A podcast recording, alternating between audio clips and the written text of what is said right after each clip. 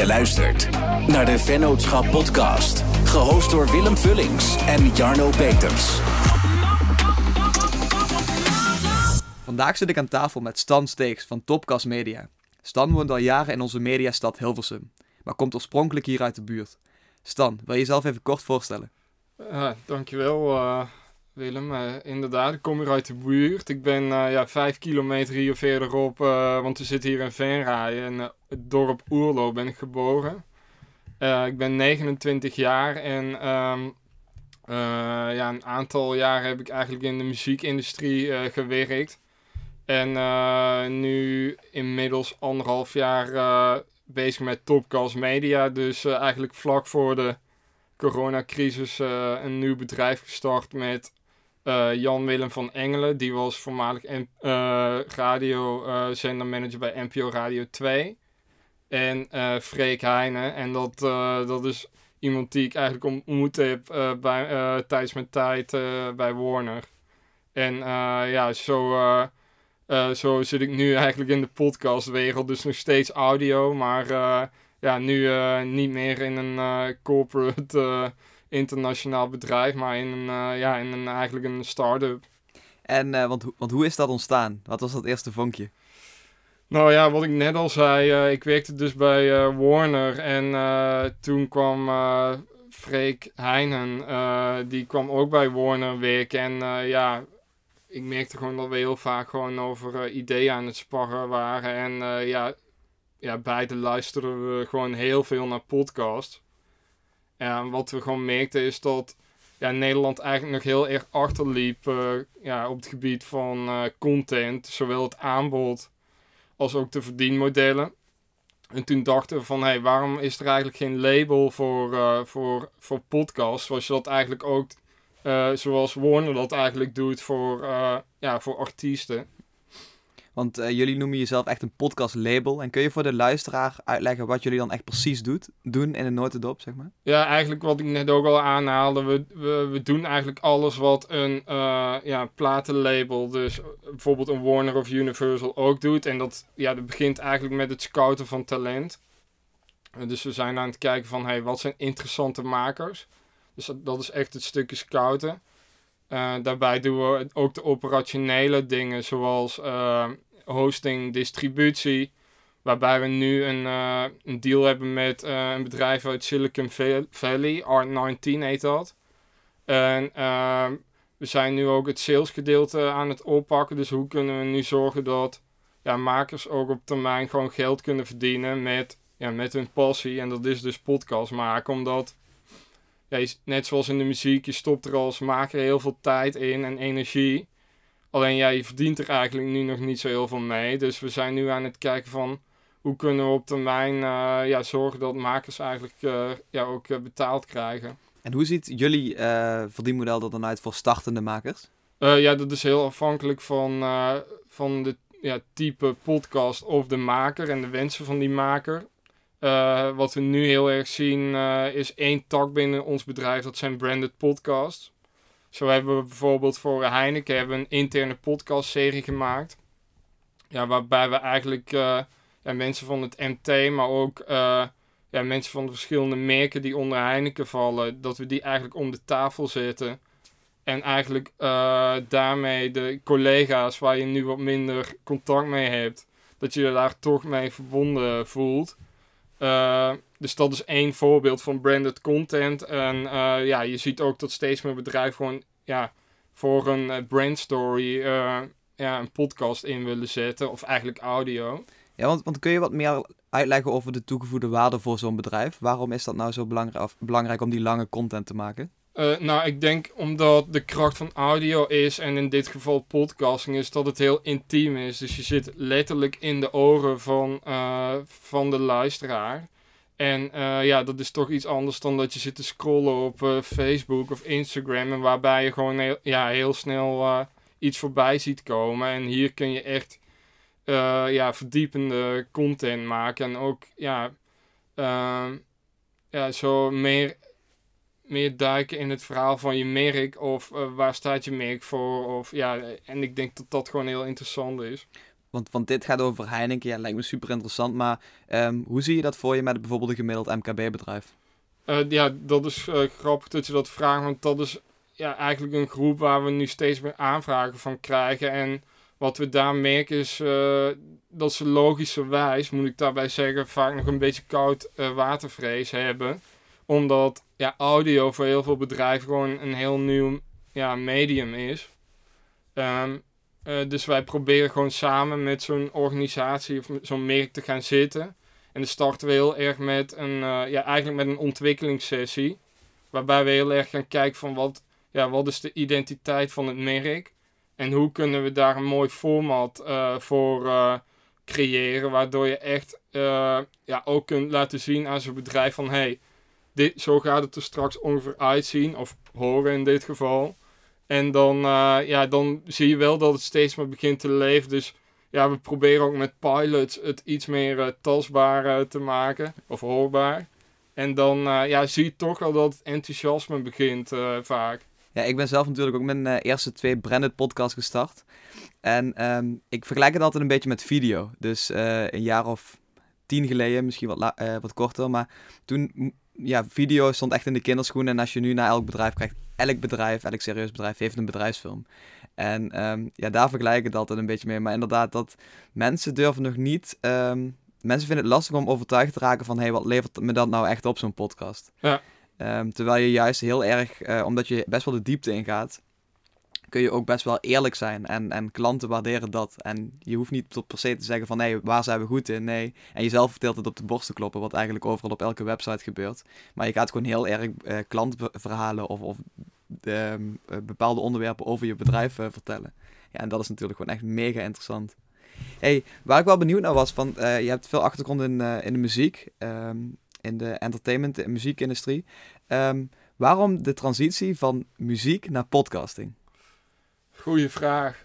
Nou, uh, ja, wat ik eigenlijk al eerder vertelde, van ik, ja, eigenlijk was ik eigenlijk in mijn tienerjaren luisterde ik eigenlijk al heel veel radio. Dus niet alleen dan 3FM overdag tijdens het werken, maar ook uh, ja, in de avond luisterde ik heel veel uh, naar interviews.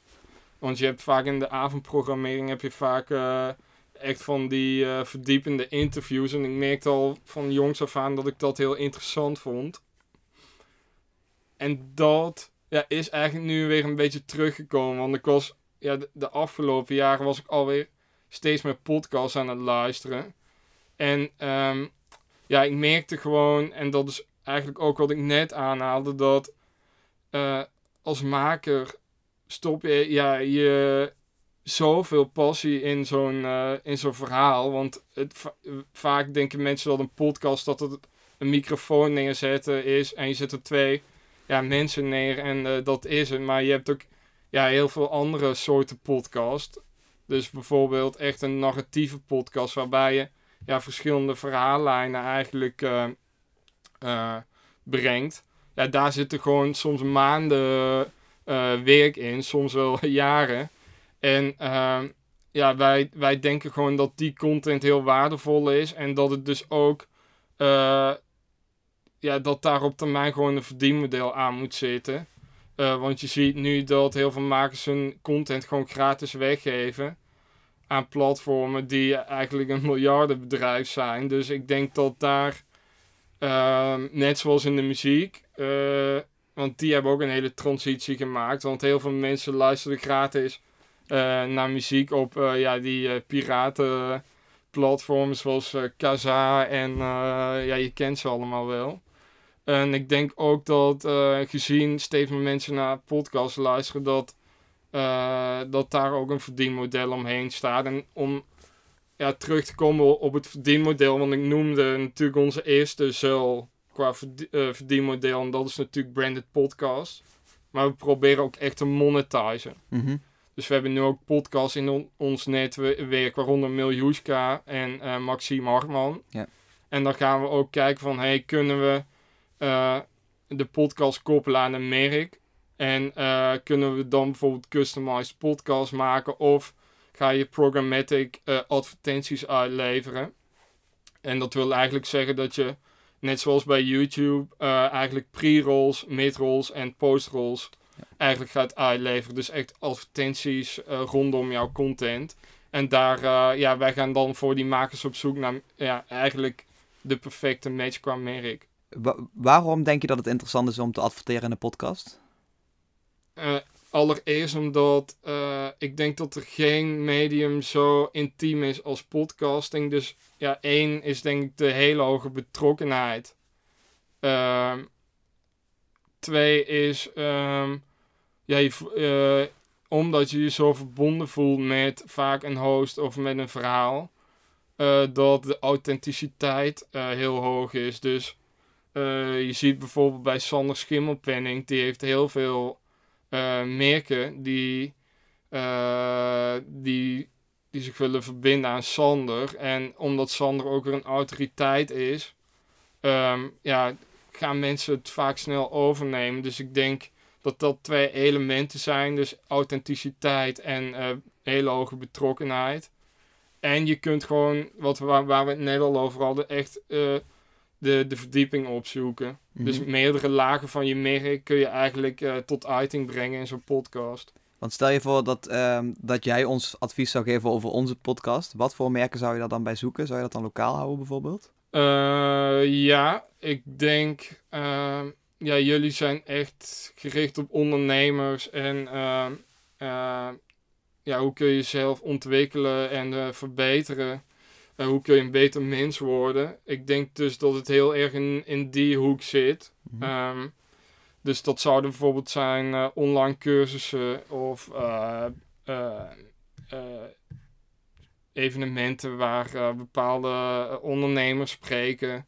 Maar dat kun- kunnen ook inderdaad, zoals jij zegt, als je lokale ondernemers aan tafel hebt, dan is het gewoon heel eh, interessant om eh, bijvoorbeeld in die aflevering een aanbieding te doen. Eh, ik, ik zeg maar bijvoorbeeld wat als je hier een lokale bierbrouwerij hebt. Nou, die zou bijvoorbeeld in die podcast, zou die bijvoorbeeld een exclusieve actie kunnen roepen. En ja, ik, ik denk dat je dan heel snel die, ook die conversie terugziet. Eh, dus ik denk inderdaad, of lokale merken of bedrijven, als je een, een, een lokale onderneming te gast hebt en bij de wat meer een nationaal bekende mensen, dan kun je ook meer, eh, ja, dan heb je ook een meer, eh, ja, een breder publiek en dan kun je denk ik ook eh, meer, ja, het land in gaan denken, denk ik. Zijn daar een soort van standaard tarieven voor of zo? Of, of... Ja, dat, dat, dat is dus ook iets waar wij heel erg mee bezig zijn. Want in Amerika zie je dat de CPM, dus de, de kosten eh, per duizend impressies, dus per duizend downloads. Want bij podcasting spreken we dus over downloads en niet over streams. Dat is een beetje ouderwets, vind ik. Maar ja, zo, zo is het nu vastgelegd. Ehm, waarom? Want eigenlijk zijn het wel streams, toch? Ja, omdat eh, bij po- eh, ja, vanuit de geschiedenis van de podcasting. eh, ja, het- Moest je hem offline downloaden? Is dat het dan? nou ja, je, dat, daar is dus een hele eh, ja, discussie om, om ontstaan. En voornamelijk in de US, waar podcasting natuurlijk echt huge is. Eh, en daarbij ja, vonden merken en mediabureaus het gewoon heel moeilijk om te meten. Want als jij bijvoorbeeld eh, deze podcast op Apple volgt. Mhm. eh, en ja, je vernieuwt je feed, dan download je die podcast. Maar dan weet je niet of je die aflevering daadwerkelijk hebt beluisterd. Dus wij werken zelf ook met een IAB gecertificeerd eh, systeem. En die, eh, ja, dat is eigenlijk een soort van universele manier van het meten van podcasts. En dan weten ook merken en mediabureaus van... hé, hey, ik weet zeker dat deze aflevering één minuut of langer eh, is eh, beluisterd. En ja, dat is dus een soort van universele standaard waar ze nu naartoe willen. En ja, wij sluiten daar natuurlijk met Topcast graag bij aan. Omdat je daarmee ook gewoon beter kunt meten ja, wat er beluisterd wordt en hoe en wanneer. Ja. En door wie natuurlijk. En dat is wel interessant, want, want wa- daar zijn wij natuurlijk ook nog zoekende in. En ook zeker met onze branded podcast. Alleen, ehm, ja, is het dan ook zo dat, dat iedereen nog een beetje aan het aftasten is hoe ze dat precies gaan doen? Eh, ja, zoals ik net al zei, in de US, daar zitten ze bijvoorbeeld, daar verkopen ze heel erg, eh, da- daar zitten ze heel erg op die eh, programmatic ads. Dus eh, het voordeel daarbij is, nou laat ik eerst even zeggen wat het is. Het is dus dat je echt eh, kunt inkopen op het aantal impressies. En dat je zegt, ik wil in deze doelgroep eh, na 10 uur bijvoorbeeld, wil ik advertenties uit laten leveren. En dan kun, kan, kun je als podcastnetwerk zeggen van, hey, wij gaan dit automatisch uitleveren uh, op, een, ja, op deze tijden onder deze doelgroep. En in Amerika zit je dan ja, rond de 40, 50 euro CPM. Uh, maar dat is weer iets anders, omdat je in Amerika uh, zijn ze gewend om hele lange advertenties te horen. En in Nederland zijn we gewend om 15 seconden of maximaal 30 seconden eigenlijk iets aan te horen. Dus ik, ik denk dat het wel iets lager ligt in Nederland. Maar ja, je zit wel ver boven de Instagram en Facebook uh, eh, CPM's. Wat, wat, wat denk je dat zo'n luisteraar daarvan vindt als het echt te branded wordt? Of als er echt te veel uh, advertenties doorheen uh, komen? Ja, ik Zullen denk, mensen afhaken? Ja, dat denk ik wel. dus volgens mij is juist de kunst, maar dat is ook meer hoe ik erin zit. Het is volgens mij juist heel sterk om juist een beetje generiek te blijven. En dan in een bijzin, uh, ja, stel je wil bijvoorbeeld een boek uh, verkopen, uh, dat je daar eigenlijk niet ja, heel overdreven dat boek gaat zitten verkopen, maar juist, ja, heb je het weer, die verdieping op gaat zoeken. En wat zijn nu echt de highlights uit dat boek? En dat je echt als luisteraar getriggerd wordt van, hey, dit is een heel interessant boek, dat ga ik eens bestellen. En dan, daar zit dan weer een interessant verdienmodel aan. Dat je bijvoorbeeld een affiliate link van bijvoorbeeld bol.com of een lokale boekhandel dan weer in jouw beschrijving zit. En dat je zo weer mensen daarheen kunt brengen. En uh, ja, dus je ziet al dat er heel veel verschillende verdienmodellen zijn.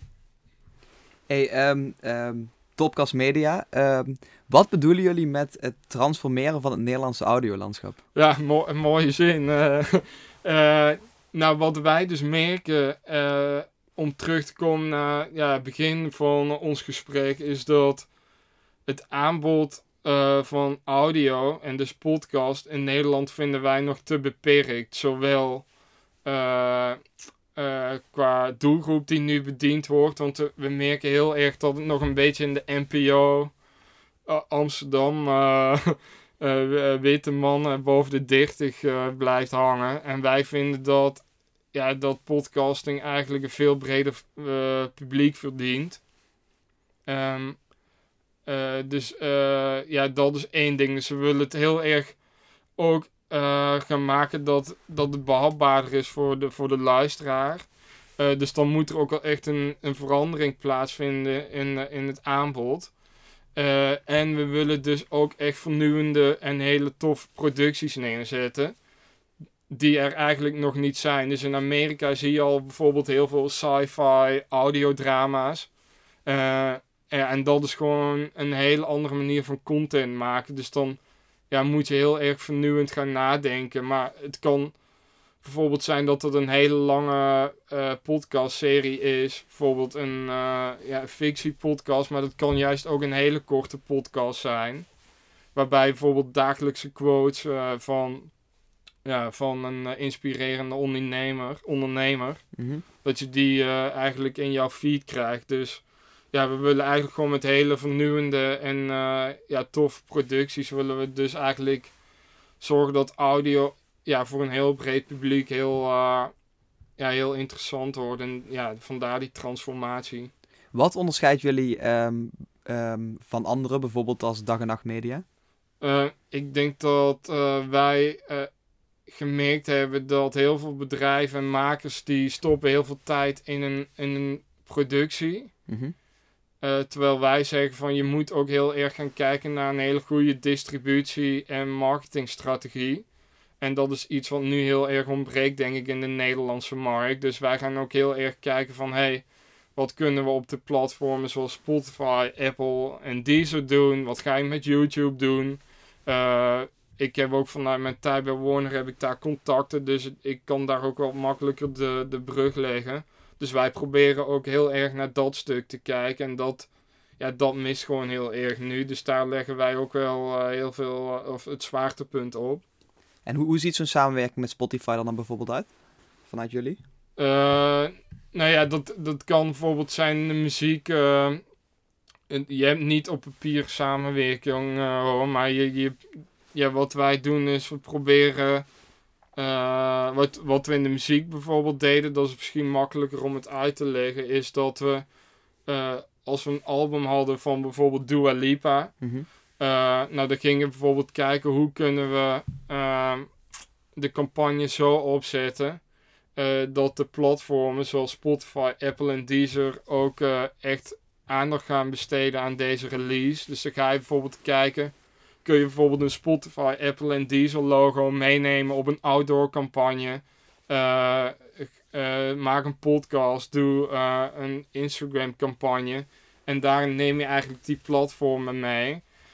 Waardoor mensen bijvoorbeeld op die platformen gaan luisteren in plaats van op een YouTube. Dus ja, die platformen willen natuurlijk zoveel mogelijk abonnees hebben. Dus ja, daar, ja, daar proberen we nu ook een beetje die slag te maken. Dus ja, we proberen ook gewoon uh, steeds meer luisteraars naar die podcast-apps te trekken. Omdat we dus ook gewoon ja, meer mensen willen enthousiasmeren met de audio die we eigenlijk maken. Mm. Hey, staatsgeheimen. Um, meer dan een kwart miljoen keer beluisterd en genomineerd voor een Gouden Radioring. Uh, je had het toen straks al over een podcast met meerdere verhaallijnen. Wat is er zo uniek aan deze podcast? Één element wat ik zelf heel gaaf vind is dat het, uh, het is echt een soort tijdsdocument. Um, omdat het zich afspeelt in de, ja, eigenlijk in, de, in een pandemie. En dat is natuurlijk de, de, de, de corona-periode. Uh, mm -hmm. En ik denk dat het, uh, ja, het bijzondere daarvan is, is dat het eigenlijk een fictieve podcast is. Maar er zitten heel veel uh, ja, non-fictieve elementen in. Dus ja, het zou zomaar eens echt gebeurd kunnen zijn. Mm -hmm. uh, dus één, dat is misschien wel leuk om te vertellen. binnen Apple kun je altijd een genre toevoegen aan je podcast. En wij dachten, als we daar nu waar gebeurde misdaad als sticker oplakken.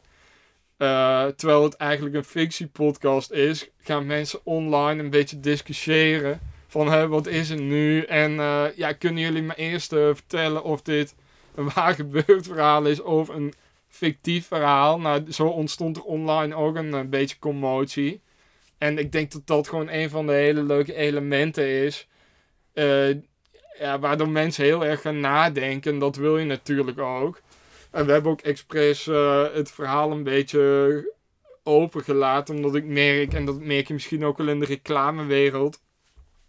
Mensen gaan heel erg op zoek naar een uh, gesloten verhaal. Dus het begint ergens en ja, mensen willen dat het eindigt. Maar zodra die cirkel niet rond is, uh, blijven mensen daar meer over nadenken. En dat is volgens mij ook iets wat je in de reclamewereld heel erg ziet van bijvoorbeeld een, een commercial die gewoon halverwege ergens stopt. Ja, uit de uh, wetenschappelijk onderzoek blijkt dus dat mensen daar meer over nadenken en dat dat dus meer in het hoofd blijft. Ja, dus, dat, ja, dus, de, dus dat hebben we ook bewust gedaan. Uh. voor mij was die fictie echt een hele nieuwe hoek. Want ik luister natuurlijk ook al best wel lang podcast. We maken zelf podcast. En dat gaat eigenlijk allemaal over uh, of ondernemersverhalen of over um, alles wat, um, ja, eigenlijk allemaal zelf, zelfontwikkeling, waar we het straks al over hadden. Alleen, um, dit is een hele nieuwe kans om eigenlijk een soort van audioboeken te maken. En die eigenlijk in seizoenen um, aan te leveren. Ja, juist. Ik denk dat dat ook uh, een van de dingen is waar wij heel erg in geloven. Is dat ook in de educatie van jongere mensen ja, zal audio en dus podcasting een heel belangrijk element worden. Omdat uh, je merkt gewoon dat heel veel mensen geen zin hebben om een boek te lezen. En dat snap ik helemaal. Want ik had dat ook toen ik op de basisschool zat. Toen had ik, ja, had ik helemaal geen aandachtspannen om een boek te lezen. Dan ging ik verplicht door die boekjes heen. En uh, ik denk dat je juist met een soort verrijkt uh, audioboek, dat je ja, ook jongeren meer die prikkel kunt geven om, ja, om een boek te gaan luisteren. En dat kan dus zijn geschiedenis. Maar dat kan zijn ook hoe gaat het eraan toe in de politiek. En dat je daar uh, door wat meer uh, ja, verhaal te brengen, wat meer aandacht te besteden aan, aan audiodesign. Dat, dat je gewoon audio gewoon veel interessanter kunt maken. En daardoor juist ja, complexe eh, thema's juist behapbaar kunt maken voor bijvoorbeeld eh, scholieren of basisschoolleerlingen. Ehm, waarom dan audio en niet audio en video? Ja, dat, ja, dat is ook een leuke. ja, wij, wij zitten daar zelf ook af en toe over te denken. En dat is ook een van de vragen die wij in onze ontwikkelingssessies met uh, bedrijven of merken uh, eigenlijk uh, voorbij laten komen. En die vraag stellen we dan ook. Maar wij zeggen eigenlijk, het mooie van audio is dat het juist intiem is. Ja. En dat je een soort ja, imaginair stuk openlaat. Dus mensen kunnen heel, ja, het kan tot de verbeelding spreken. Dus je weet niet hoe het eruit ziet. Eigenlijk is het een beetje hetzelfde als lezen. Ja, ja exact. ja. ja. ja. Dat is goed want, Want wat vind, je dan, wat vind je dan van podcast met video? Dat is heel afhankelijk. In de basis ben ik altijd voor om uh, te starten met ja, enkel audio. Uh, en als je, een heel, ja, als je daadwerkelijk iets toe kunt voegen, en dan zit het meer in de hoek van, de, ja, ik denk de BN'ers. Uh, die gewend zijn om met audio, of met audio en video te werken, dat het daar een toegevoegde waarde heeft. Uh, maar als je echt iets aan de verbeelding over wil laten bij de luisteraar, dan is het juist zo sterk om het alleen uh, ja, ja, ik, vraag, ik, ik, vraag me altijd af van, um, wat zijn nou echt de plekken waar, waar het grootste, uh, de grootste groep hun, audio, of hun podcast luistert? Dat is denk ik in een auto, hardlopen, misschien op de fiets, om, tijdens het werk. Um, en dan vraag ik me af, is het wel zinvol om echt zoveel tijd en ook geld te stoppen in het opnemen van een video? We hebben er zelf ook over getwijfeld. Hoe zien jullie dat en hoe zien jullie dat bij klanten? Ja, klanten vragen ons dat ook heel vaak. Dus, dus dat is heel grappig dat je dat vraagt. Uh, ik, ik, geloof inderdaad zelf dat uh, een podcast luister je terwijl je eigenlijk iets anders doet. Ja. Want ik zeg ook altijd, je kunt niet... Ik vind het altijd raar van ga op een bank zitten en ga een podcast luisteren. Dan werkt het juist niet. Maar wat wel werkt is als je aan, een rondje aan het maken bent door het bos. Of als je aan het autorijden bent of je zit in de trein. Dan is het juist... Uh, ja, dan heeft het juist echt een meerwaarde. En mensen... Ja, het is dus echt iets wat je met een andere activiteit doet. Uh, en we zien ook heel vaak dat op werkdagen uh, juist mensen meer podcasts luisteren. Dus daar kijken wij ook altijd naar. Van kijk goed ja, op welke dag je een aflevering online zet. Want we zien bijvoorbeeld op weekdagen en voornamelijk maandag tot en met donderdag. Dat daar de pieken zitten qua, qua luistergedrag. Mhm. En in de weekenden ja, zijn mensen thuis. Nou ja, nu zijn we natuurlijk vaker thuis. Maar zie je dat daar het, de luisteractiviteit tot afneemt. Wat, wat is volgens jou de ideale lengte voor een podcast?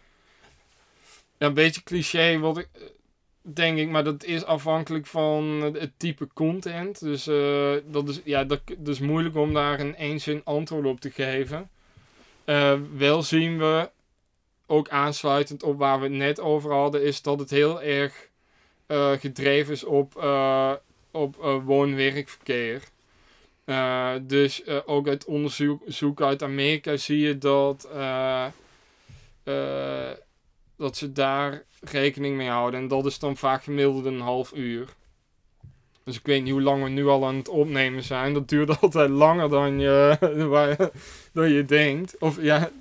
Maar in Amerika zie je dus heel erg bijvoorbeeld bij The Daily. Dat is een dagelijkse podcast. Die is heel erg afgestemd op uh, het woon-werkverkeer. Dus daarbij weet ze, ah, een reiziger is gemiddeld een half uur onderweg. Ja. Dus daar stemmen we ook de duur van de podcast op af. En ja, dat zie je wel bij de, ja, bij de meeste podcasts, dat ze wel uh, daarop richten. Hey, zie jij Clubhouse als een concurrentie voor podcast? Nee. Ik denk dat Clubhouse uh, is heel interessant. Uh, maar ik zie het meer als een verlengstuk van on-demand audio. Um, en wat je ook in andere landen nu ziet, is dat Clubhouse, dat heeft natuurlijk een, piek. Hè? Als je kijkt, naar, het is een soort van hype cycle. Dus op, in de eerste aantal weken ja, springt iedereen erop. En daarna ja, is iedereen er een beetje klaar mee. Dus ik ben benieuwd wat er over een aantal weken en maanden met Clubhouse gaat gebeuren. Wat vind je de nadelen van Clubhouse? Uh, nou ja, één, één nadeel zou kunnen zijn privacy. Uh, volgens mij wordt een deel van de gesprekken, of worden alle gesprekken tijdelijk op een server opgeslagen of ergens opgeslagen. Dat kan natuurlijk altijd een beetje tricky uh, zijn. Um, ja, eigenlijk zie ik voor de rest weinig nadelen, want ik, ik, ik ben er zelf heel enthousiast over. Uh, ik zat laatst bijvoorbeeld in een clubhouse sessie, toen ik volgens mij in de tweede week uh, op het platform zat, zat ik met de social media mensen van Ajax in gesprek. En ja, hoe vaak krijg je nu de kans om met, ja, met die mensen te, in gesprek te komen? Dus dat is wel heel, ja, dat vond ik wel bijzonder, dat je dus ja, gewoon op een random avond dus open je app en dan zit je met zulke mensen te praten over marketing en ja, campagnes. En het is heel toegankelijk eigenlijk, hè? Ja, ja. Dat je eigenlijk met, ook met idolen en er zitten ook gewoon profvoetballers en zo zitten erin. Ja. En je kunt zo je vragen stellen en daar is het in één keer dat um, alle drempels zijn weg en iedereen is gewoon een mens. En dat klinkt een beetje zweverig, maar dat is, zo voelt dat echt. Ja, dat voelt iedereen is gelijk en dat, komt, dat is denk ik het mooie. Uh, aan zo'n app is dat uh, uh, op tv of radio, daar is het heel erg uh, een beetje de gevestigde orde en zie je heel vaak dezelfde mensen terugkomen.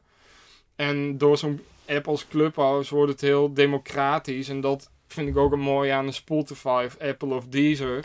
Is dat iedereen kan bepalen welke muziek en of podcast ja, je wil luisteren. Dus dat is gewoon, uh, ja, denk ik heel goed voor de markt ook. Ja, ik, ik was gevraagd door een paar um, um, eigenaren van best wel grote bedrijven die ook bedrijven gekocht, uh, verkocht hebben, um, om inderdaad zo'n clubhouse te leiden. En ja, ik, zei, ik heb gezegd onder één wil ik dat wel doen. Al vind ik dat wel super spannend natuurlijk.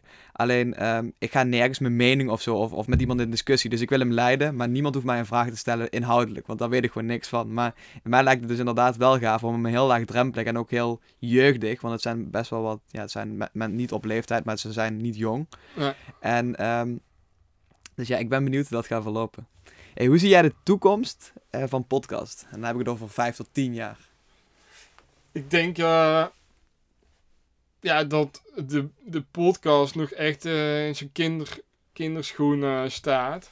Um, dus je ziet nu al dat volgens mij bijna de helft van, van de Nederlanders wel eens naar een podcast luisteren. Dus ik denk dat daar ja, dat dat zeker naar 70, 80 procent gaat de komende jaren.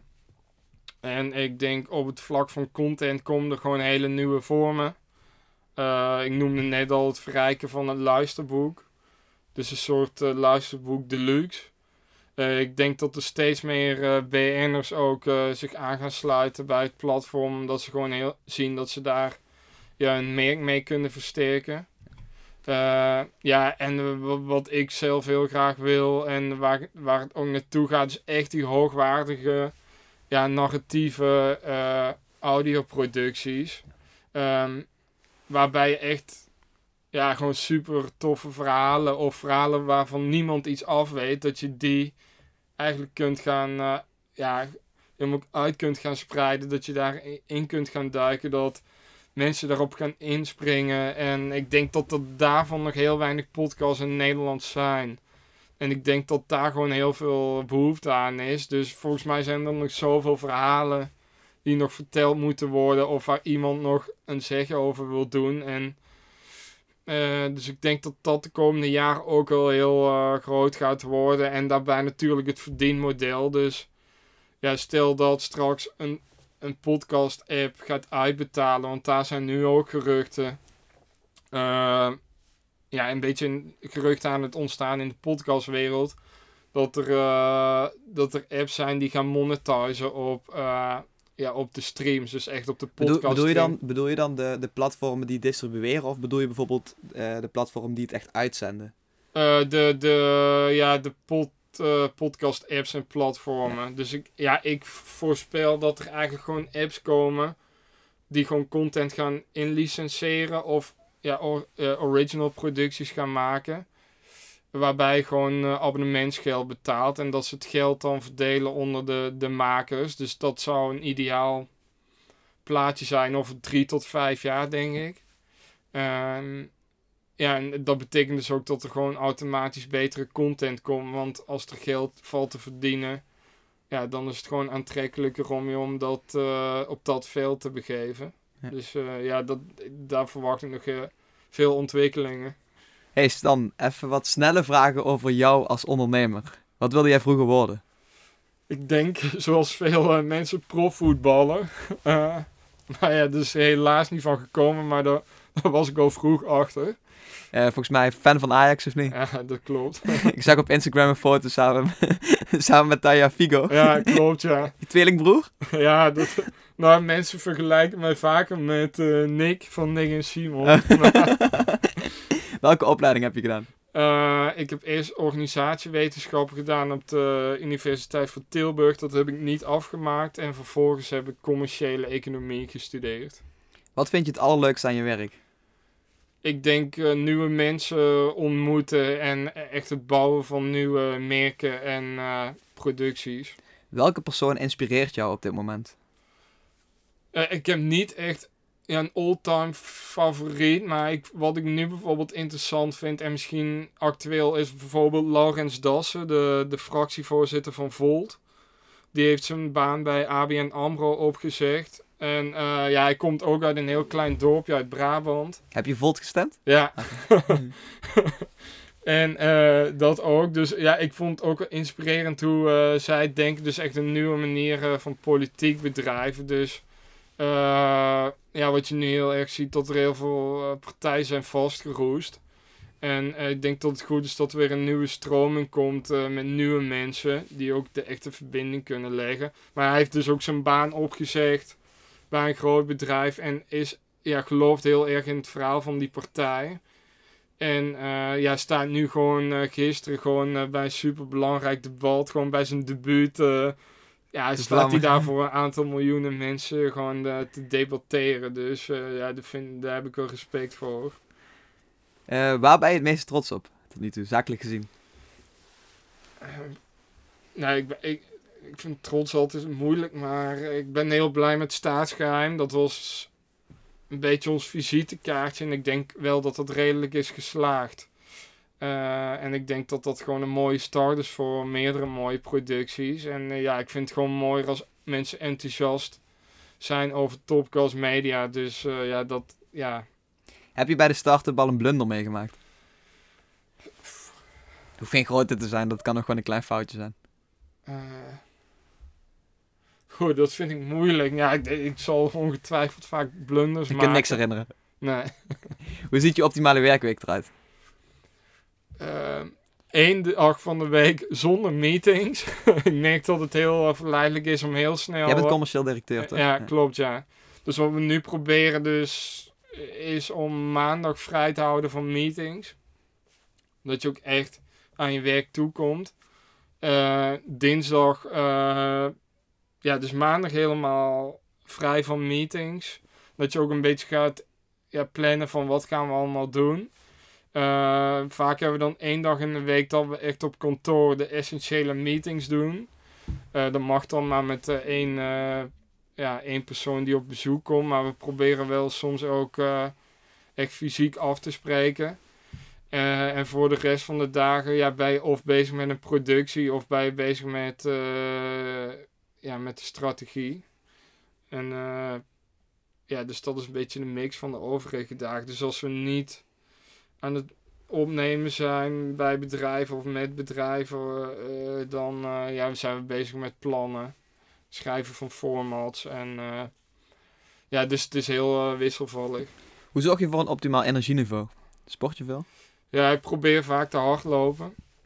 Eh, en ik merk, ik, ik, kan zelf vaak heel veel nadenken en nadenken. Dus dan eh, is het wel fijn als ik dan even ga hardlopen, dat je dat even kunt uitzetten. Dus eh, ja, ik, ik probeer regelmatig te hardlopen, ja.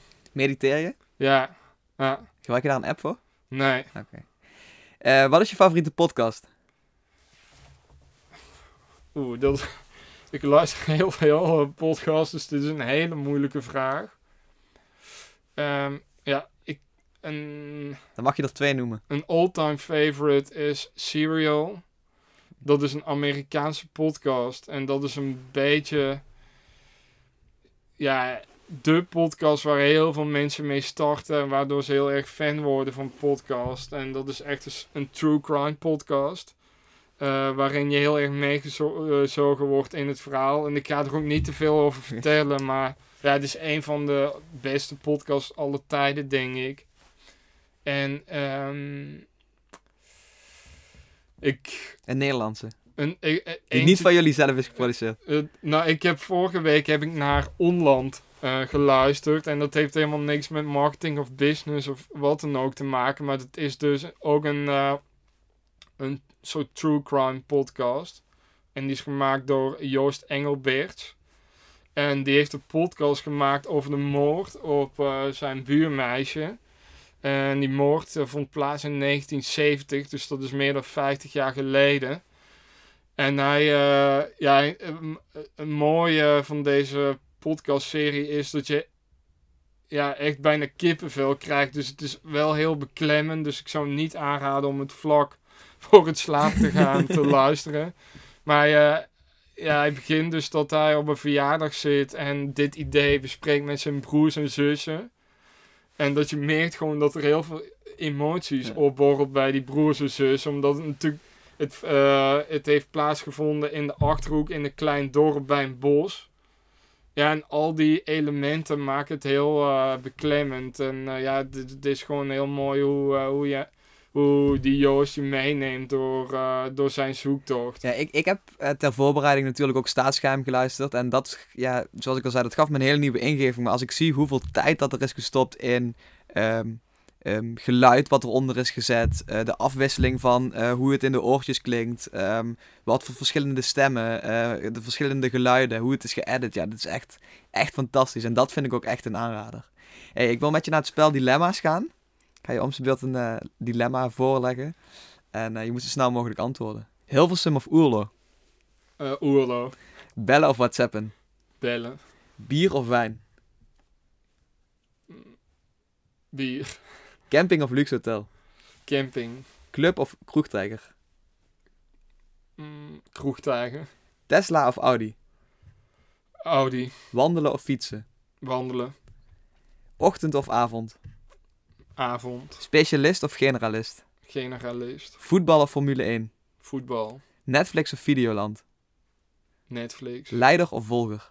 leider, Radio of podcast? podcast, Wintersport of zonvakantie? zomervakantie, Eh, spreken of luisteren? luisteren. Dan heb ik afsluiten met de gouden tip voor de luisteraar. Heb je die? Nou, ik denk dat het eh, belangrijk is dat je altijd dicht bij jezelf blijft. En eh, ja, wat ik altijd zelf me- eh, merk is dat ja, je moet gewoon geloven in jezelf en zorgen dat je een lange termijn plan hebt. En ja, het kan natuurlijk, het valt vaak soms heel erg tegen op sommige dagen. Maar ik denk, zolang je gelooft in je eigen verhaal en je eigen kunnen, dat, ja, dat het altijd wel goed komt. En dat, eh, ja, dat, het is wel belangrijk om goed naar jezelf te kijken, maar ook niet te kritisch. En dat, ja, dat je echt moet geloven in jezelf en dat er dan altijd wel iets moois uitkomt. Dankjewel voor je komst. Helemaal vanuit Hilversum. Ja, zeker. Ik vond het eh, leuk om hier te zijn. Eh, dank voor de uitnodiging. Bedankt voor het luisteren naar de Vennootschap podcast. En vergeet niet te abonneren op Spotify en Apple Podcasts.